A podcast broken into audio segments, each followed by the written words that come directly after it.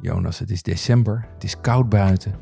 De feestdagen komen eraan. Het zijn culinair complexe dagen. Wat ga jij deze week maken? Ja, ik ga deze week het ultieme comfortfood gerecht maken met vis. Een vegetarische en Mexicaanse mais taco's. En als laatste een gerecht uit de wok met als groente okra's. En de oplettende luisteraar die hoort het al. We hebben sinds uh, vorige week een nieuwe naam. Vanaf nu heten wij Watschaf de podcast Het Menu. En de inhoud blijft hetzelfde. Drie snelle recepten voor door de week. Alleen de geluid is net iets anders. En uh, Wat de podcast is een, een tweewekelijkse podcast over eten en drinken. En daar gaan we bijna een uur diepte in. En je vindt Wat de podcast ook in je podcast app.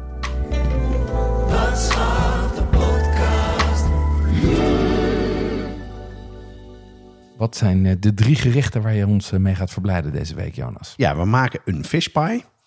Uh, we maken taco's met chili bloemkool. En als laatste een wokgerecht met aubergine en okra. Ja, uh, dat, klinkt, uh, dat klinkt alweer aantrekkelijk. Precies goed voor deze tijd. Beetje vegetarisch, beetje vis, beetje licht. Kan ik me voorbereiden op dat vleesfeest wat eraan zit te komen. Um, laten we even beginnen bij de fish pie. Het British classic. maar hier misschien iets minder bekend. hoe maak je die? Ja, je zou denken een pie, dus met deeg. Dat is wat vaak in Engeland uh, er gebruikt wordt. En deze keer is dus het aardappelpuree het deeg waar het bovenop zit. Bovenop zit. Het is een overgerecht, uh, bekend door Rick Stein, die het heel veel maakt en heel vaak verteld heeft. en wat je in essentie doet, is het is vis, gerookt en vers. Die stoof je in melk met room. daar doe je hele eieren bij, een soort bechamelsaus en daarover de puree. En dat doe je in de oven en het is echt heerlijk. Uh, vis, gerookt en vers. Um, uh, mystery fish. Welke, welke vis gebruik jij voor dit gerecht? Ja, ik gebruik. Uh, er zijn verschillende soorten vissen te gebruiken. Maar je hebt verse vis. Daar gebruik ik vaak zalm of kabeljauw uit de vriezer van de supermarkt. Mm -hmm. Je kan ook schelvis gebruiken. Dat is wat meer Engels. Of zelfs zeewolf. want je stooft het best wel eventjes in de melk. Dus dat wordt goed gaar. Daarna gaat het nog in de oven. Verder um, Hollandse grijze garnalen. Die doen we op het laatste bij. Niet, uh, want anders worden ze te gaar. En dit maakt het gerecht wel uh, af. Je, maakt ook, je gebruikt ook gerookte vis. En het is een beetje wat je kan krijgen. Ik ga vaak op de markt kijken wat ik kan vinden. Maar in de supermarkt heb je bijvoorbeeld gerookte haring. Gerookte zeewolf kan je vinden, maar ik zou geen gerookte makreel gebruiken. Dat is iets te, te tranig. Het is niet die, die wat lekkere, comfortachtige rooksmaken in zich heeft. Ja, dat is heel intens natuurlijk. Hè? Um, uh, maar de, die gerookte vis überhaupt, waarom, waarom zit dat erin? Ja, dat vind ik dus interessant, want dat maakt het gerecht eigenlijk. Dat is van mij betreft de kern van, van het gerecht. Het, wat je namelijk doet, is je stooft de vis gaar, uh, zowel vers als gerookt, mm -hmm. in melk met room. En die room die gebruik je om weer een, uh, een bechamel saus of een roet te maken. Okay. En wat gebeurt er? Dus de smaak uit de gerookte vis, die gaat in die melk zitten. En dat zorg je ervoor dat je dat door het hele gerecht gaat komen. En dat geeft net even die diepte, en maakt het net even wat minder. Ja, want, je, want uh, vis in melk kan best wel smakeloos zijn. Ja. Dit geeft net weer even een kick.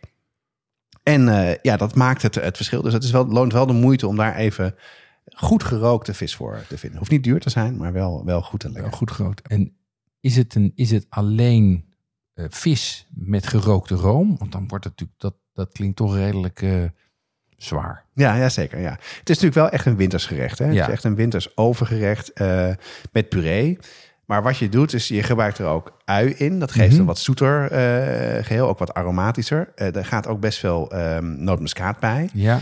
Um, daar gaat ook peterselie bij. En je ja. kan ook wat dillen of bieslook doen. En daar, daar, daar wisselen we een beetje mee in. Dus je zorgt er ook wel voor dat er wel wat frisse tonen in komen. Uh, er gaat ook hele eieren in. Dat okay. maakt ook dus het wat een beetje een soort van...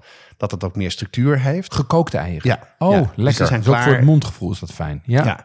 En uh, ja, het is wel zo, er zitten niet veel groente in. Dus wij maken er vaak erwten bij of een groene salade. En als je een groene salade maakt, heb je ook weer een lekkere frisse tegenhanger... tegen zo'n, ja, wel lekker wintersgerecht. Ik, ik moet zeggen dat het, uh, toen ik het las, dacht ik, moi. Maar nu het zo vertelt, maar nu het vertelt, zie ik hem wel zitten. Um, waar, waar heb je dit recept uh, opgeduikeld? Ja, wij hebben ooit een keer, uh, werden we gevraagd door mijn schoonouders om de catering te verzorgen voor een partijtje wat zij wilden organiseren. En mijn schoonvader heeft op een gegeven moment later in zijn carrière, heeft hij een opleiding in Engeland gedaan, in mm -hmm. Londen. En daar heeft een heel internationaal gezelschap leren kennen, die allemaal een link met Engeland hebben vanwege die, die studie die ze daar gedaan hebben. En wij wilden graag Engelse klassiekers maken. Een beetje een soort van knipoog naar hun gezamenlijke historie die ze hebben, dat Londen. En daar kwamen we al snel uit bij Fish Pie. Alleen, ja, hoe maak je dat nou voor een banket of voor, voor een grote groep niet te heftig? Daar hebben we hele kleine soort van pannetjes genomen van die ramekins. Ramekins. En daarin hebben we dan een klein beetje fish pie gedaan. Dat kan je dan goed voorbereiden en in de oven doen. En dan heb je net genoeg, heb je een lekkere smaak, een beetje een herinnering aan, aan Cornwall, aan Rickstein, uh, de golven. En dan, uh, en het ook heel goed te doen voor andere feestjes of kerst bijvoorbeeld of oud en nieuw. Dus uh, zo, zo zijn we daar aangekomen en sindsdien maken we het altijd. Leuk.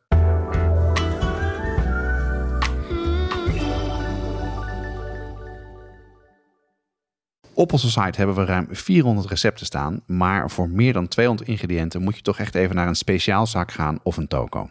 Ja, en vanaf nu kan je die dingen online vinden bij onze partner pimenton.be. Dat is de webshop voor foodies en hobbycooks. We hebben inmiddels al onze recepten gekoppeld aan een webshop. Bestellen gaat dus heel makkelijk. Het is alleen klikken op een link in de ingrediëntenlijst. Ja, en Pimenton zit in België, maar bezorgt in de hele Benelux voor 3,95. Ga naar pimenton.be om te bestellen. Ja, en van de, van de zuidkust van Engeland naar, uh, naar Mexico. Uh, vegetarische taco's met bloemkool. Ja, ja ik, ik vind dus, ik weet niet hoe jij daarover denkt, maar ik vind taco's uh, voor veel mensen, of, of tortillas, voor veel mensen is dat misschien te ingewikkeld om te maken. Maar ik vind het perfect voor door de week. Hè? Want vaak heb je een soort hoofdvulling nodig. Nou, dat is vaak wat je over hebt. Een groente, vlees of vis. Dat kan je specifiek bereiden. Of je hebt nog een restje over, wat, wat smaak heeft. En daar doe je toppings bij, wat, uh, wat, wat ui, wat gepikkelde ui, kaas, crème fraîche of wat yoghurt. En dan heb je een salsa die je zelf kan maken, wat vrij makkelijk, echt best wel snel, snel te doen is. Of je pakt een potje of een hot sauce.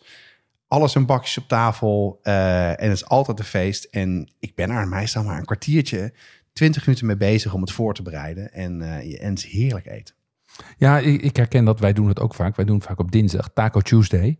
Um, en, dan, uh, en dan inderdaad snij je ook gewoon een beetje wat, wat je nog aan vulling over hebt. Uh, ik varieer inmiddels ook wat met de salsa's. Soms een groene, soms een rode. Um, en zeker met een staafmixer en een blendertje is dat ook zo gemaakt natuurlijk. Hoef je niet eens een potje open te trekken. En dat gaat heel goed, weet je, restjes, uh, vlees, vis, kaas, paddenstoelen. Het gaat er allemaal in. Ja. Dus het is eigenlijk gewoon restverwerking, maar dan vermomd als een stukje straatfood. ja, en heel feestelijk. Heel feestelijk, ik, ja. ja. Um, deze keer uh, kies jij voor een hoofdvulling van bloemkool. Ja. Uh, denk, ik denk dan aan een bloemkool met een papje. Niet meteen de Mexicaanse vibe. Vind ik ook heerlijk. Ja, um, uh, hoe, hoe krijg je de bloemkool Mexicaans? Ja, dit is een, een recept wat staat in het kookboek um, Tasty Tacos. Mm -hmm. en ik bleef hierop hangen omdat ik dacht van ja, de, en we kennen veel mensen die wat meer Mexicaans eten, kennen misschien de al pastor wel. Mm -hmm. Dat is vaak met varkensvlees. En daar zit dus een, een soort van marinade wordt daar gebruikt. En die gebruiken ze hier ook in. Nou, je maakt een marinade met gedroogde pepers. Maar in het recept is ook een alternatief als je die niet kan vinden. Maar die zijn wel heel lekker om te vinden. En als je een beetje zoekt, vind je die. Daar maak je een, een saus van. Um, daar voeg je andere smaakmakers aan toe als uh, uh, oregano, uh, komijnpoeder en ananas. Een zoetje wat, er, wat erin zit. En dat draai je tot een puree. En dat doe je in een ziploc bag. Daar doe je plakken bloemkool bij en die laat je een half uur marineren. En dat vond ik gewoon hartstikke slim. Weet je, je, je pompt onwijs veel smaak in die bloemkool. En meteen heeft het een soort van Mexicaanse smaakprofiel. En het is gewoon hartstikke snel en goed te doen. Ja, en die marinade gaat natuurlijk ook in al die hoekjes en die gaatjes van die bloemkool zitten. Dus dat, uh, dat pakt natuurlijk prima. Um, hoe, hoe maak je dat dan verder? Ja, dat is een dus uh, vrij simpel. Uh, je roostert de, de bloemkool in een pan of in een, in een skillet. Tegelijkertijd ga je tortillas die je hebt roosteren en die haal je warm in een theedoek. Dat is de beste manier om het ook op tafel neer te leggen. En dan maak je je toppings. In dit geval is het een gesnipperde ui, wat ananasblokjes, wat koriander wat frissigheid. Uh, dat top je af met een, met een groene salsa en je kan dus het wat frisser maken met wat verse lijm wat je er overheen doet. En dan kan je ook nog zelf, als je wil, nog een hot sauce doen, maar dat hoeft niet per se uh, bij dit gerecht.